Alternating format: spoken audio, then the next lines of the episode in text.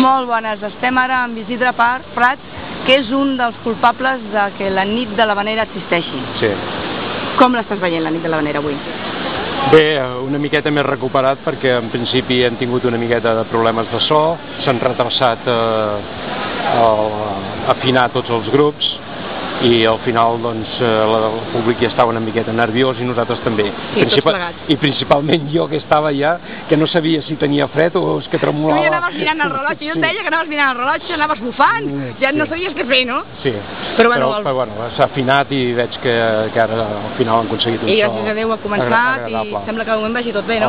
El grup eh, Cavall Bernat que ha actuat ara ha tingut un so molt bo, i a part de que ja ho són ells de per si de bons.